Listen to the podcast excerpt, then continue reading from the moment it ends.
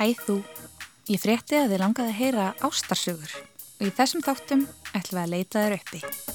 Þessar romantísku, þessar sorglegu, þessar hverstagslegu og allt þar á milli.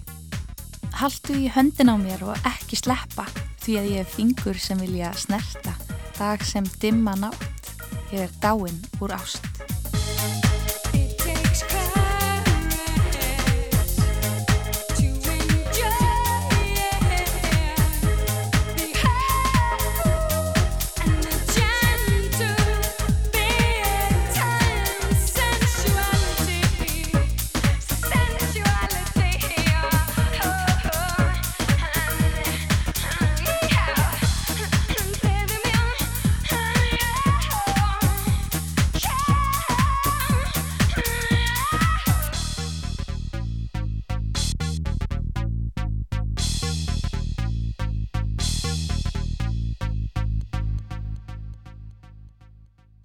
Ástinn skýtur upp kollinum á ótrúlegustu stöðum og þegar síst skildi.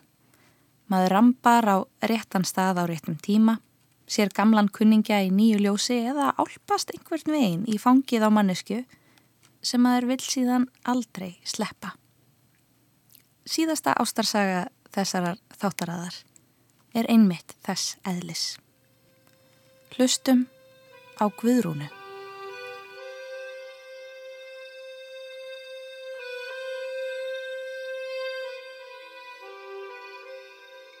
Já, ég var nýkominn úr námi Erlendis, þetta er 87 og ég kem heim þarna, búin að vera búin mörg ár úti. Og mér er það minnistætt að þarna um haustið þá er ég eitthvað að fara á milli staða í bílnum og kveikja útvarpinu. Og það er svona rosalega skemmtlegt viðtal í gangi við einhvern mann og ég, sem gerist nú kannski sjaldan hjá manni, að þegar ég kem á áfangastað þá vil ég ekki fara inn, ég vil ekki slakka útdarpinu þannig að ég sýt bara og hlusta á þetta viðtal. Og svakalega þetta skemmtilega maður. Þetta var nú skemmtilegt viðtal og vissi þá ekki hver það var en það sem sagt átt eftir að koma í ljós setna þannig að það má segja að þetta hafi verið svolítið ástu við fyrstu heyrn í mínu tilfelli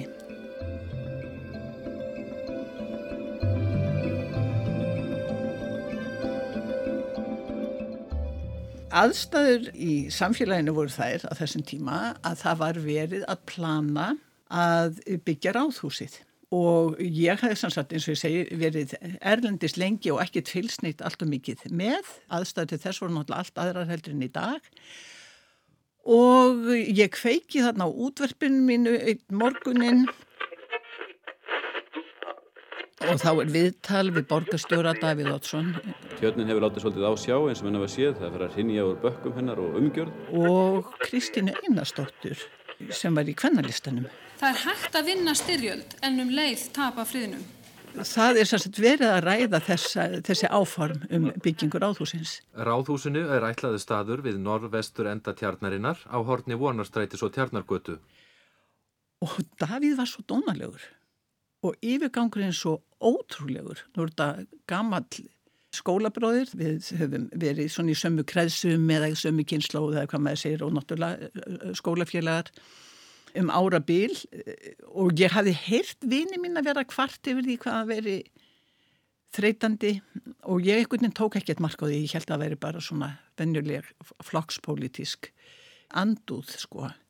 En þarna heyri ég hann í eigin personu spil út spilinu síminum og ég var gerðsamlega orðlaus yfir yfirganginum og dónaskapnum í mannum. Og þetta verður til þess að ég fyrir aðeins að kíkja á þetta mál sem ég hafi ekkert verið að gá að.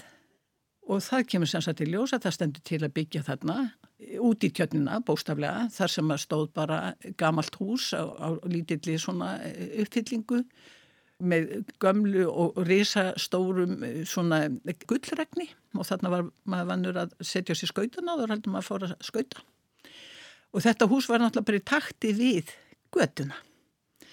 Og þessa götu mynd sem er allt í kringum kjötuna þetta eru svona hús frá aldamótum eða þar á undan og við eigum ekki margar svona götu myndir heilar.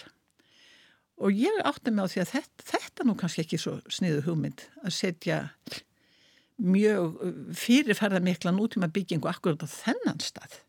Og ég vil nefnilega taka fram að ég er í rauninni mikil áhuga kona um nútíma byggingalist og finnst mjög gaman að áræðnum nútíma byggingum. En maður líka verða það sem undan fór og þegar einn þjóð á svona lítir af því eins og við En þarna eigum við sem sagt frá þessum lokum 19. og byrjun 20. aldar þessa gullfallegu mynd allt í kringum tjörnuna. Og þarna á þessi stóra bygging sem er algjörlega úr skala við allar hinnar að koma.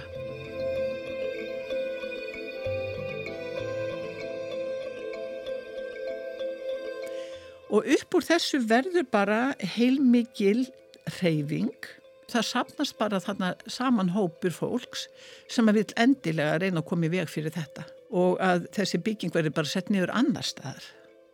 Og meðal annars töluðu við um hafnarsvæði þar sem harpa er núna hvort að það verður ekki glæslu staði fyrir ráðhús.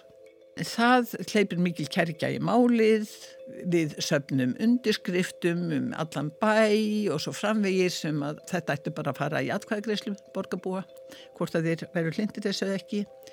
Og gera langa og hansi lærdomsríka sögu stittri þá sem sagt settum við upp svona kynningarsvæði með myndum og teikningum og fengum inni hjá bókabúð Snæbjarnar Jónssonar sem var í Hafnastræti og það var bara ágættis plás og þannig erum við búin að setja upp, upp þessar myndir á alla veggi og ljósmyndir og upplýsingar og, og bjóðum upp á kaffi og svona og svo náttúrulega þurfum við að standa vaktina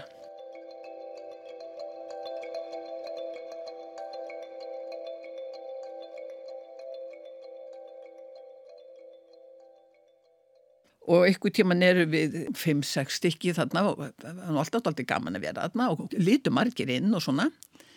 Ég sé að það kemur maður inn og ég sé þessi er nú bara eitthvað villast.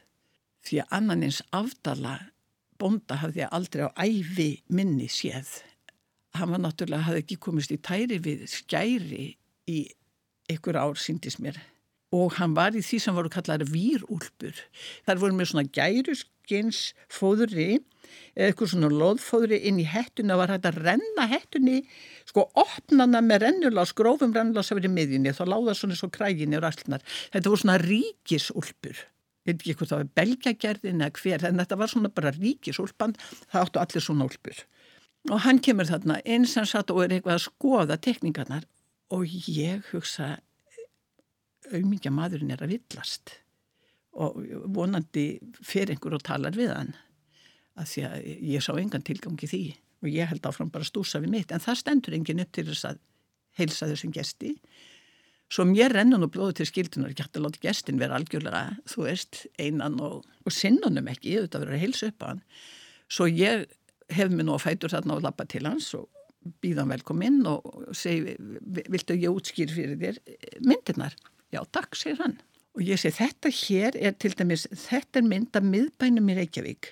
Það er tjörn, hérna bara, ég veit ég þú kannski sé það ná, hún er hérna í, bara í miðjum miðbænum. Og þessi gata hérna, segi ég á bendi, heiti Tjarnagata og hér á móti fríkirkjufegurinn og kannski séð fríkirkjuna, segi ég svona skvít með grænu þakki hann horfir á mig þegjandi en ykkar, svona svolítið kannski aðeins vottar fyrir undrunni sefnum og svona held ég bara áfram skil ég.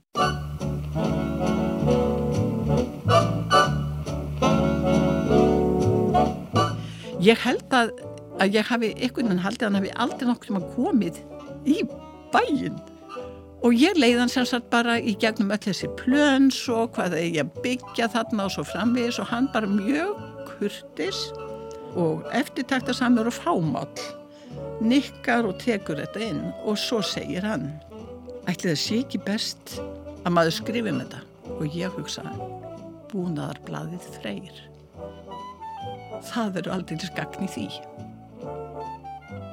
Já, segi ég það, geti verið gaman, geti látið hafa ykkur gögn. Já, takk, segir hann. Og fyrir hvaða blad myndur skrifa þetta, segi ég. Fyrir helgapóstur, segir hann. Reipna nú upp á mér glitnutnar því að helgapósturinn var á þessum tíma eina bladi sem sagði eitthvað. Hinn voru öll svo þæg undir einhverjum flokksaga en helgapósturinn fór bara þanga sem hann vildi.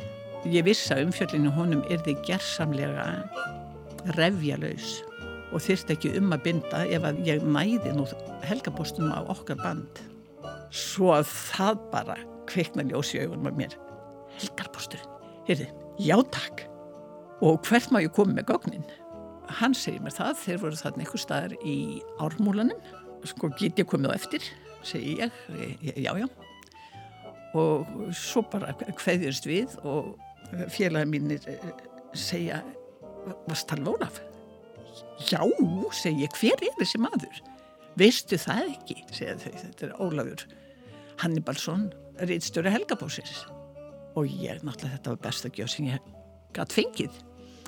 Svo leys að þegar við vorum búin að loka, þá náttúrulega dreif ég mig uppbyttir með möppu af gögnum og síðan bara ekki söguna meir.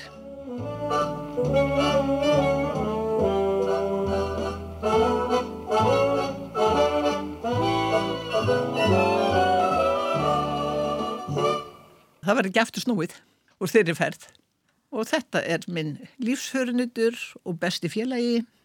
Hann er bara skemmtlasti maður sem hægt er að hugsa sér.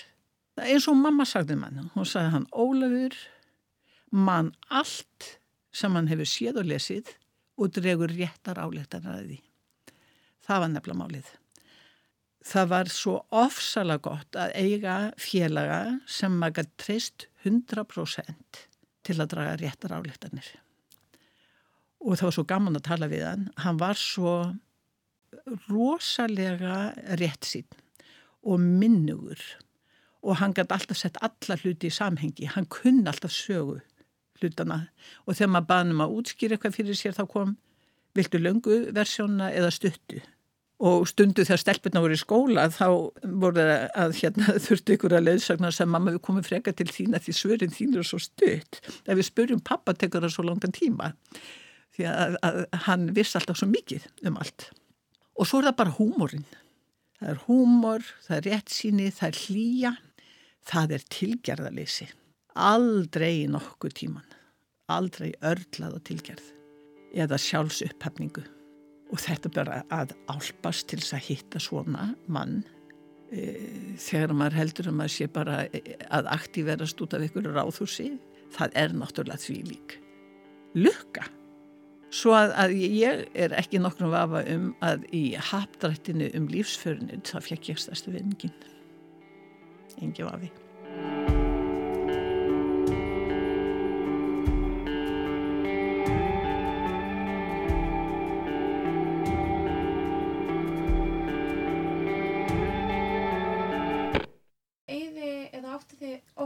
Svona lag eða einhverja tónlist sem að ykkur báðum þótti sérlega vektum eða skemmtilega eitthvað svoleiðis. Eitthvað svona sem var eitthvað neginn ykkar. Eh, ekki sem var okkar en það sem var hans. Og mér sem spila í jarðaföruna sem var sko náttúrulega alveg fáránlegt. Það er Rosemary Clooney að syngja Come on to my house, my house. Maður stætti til að ég Come on to my house, my house Já. I'm gonna give you candy. Þannig að þú búið að spila það. Come on to my house, my house, I'm gonna give you candy. Come on to my house, my house, I'm gonna give you apple, plum and apricot too. Come on to my house, my house. Þú varst að hlusta á hlaðvarpsútgáfuna af útvarpsþættinum Ástarsögur á rás 1. Í hverjum þætti eru tvær sögur og getur hlustað á þá í heilsinni í spilarunum á rúf.is. En Þú getur líka hlustað á næstu sögu innmitt hér í hlaðvarps-appinu þínu. Ástar hverjur?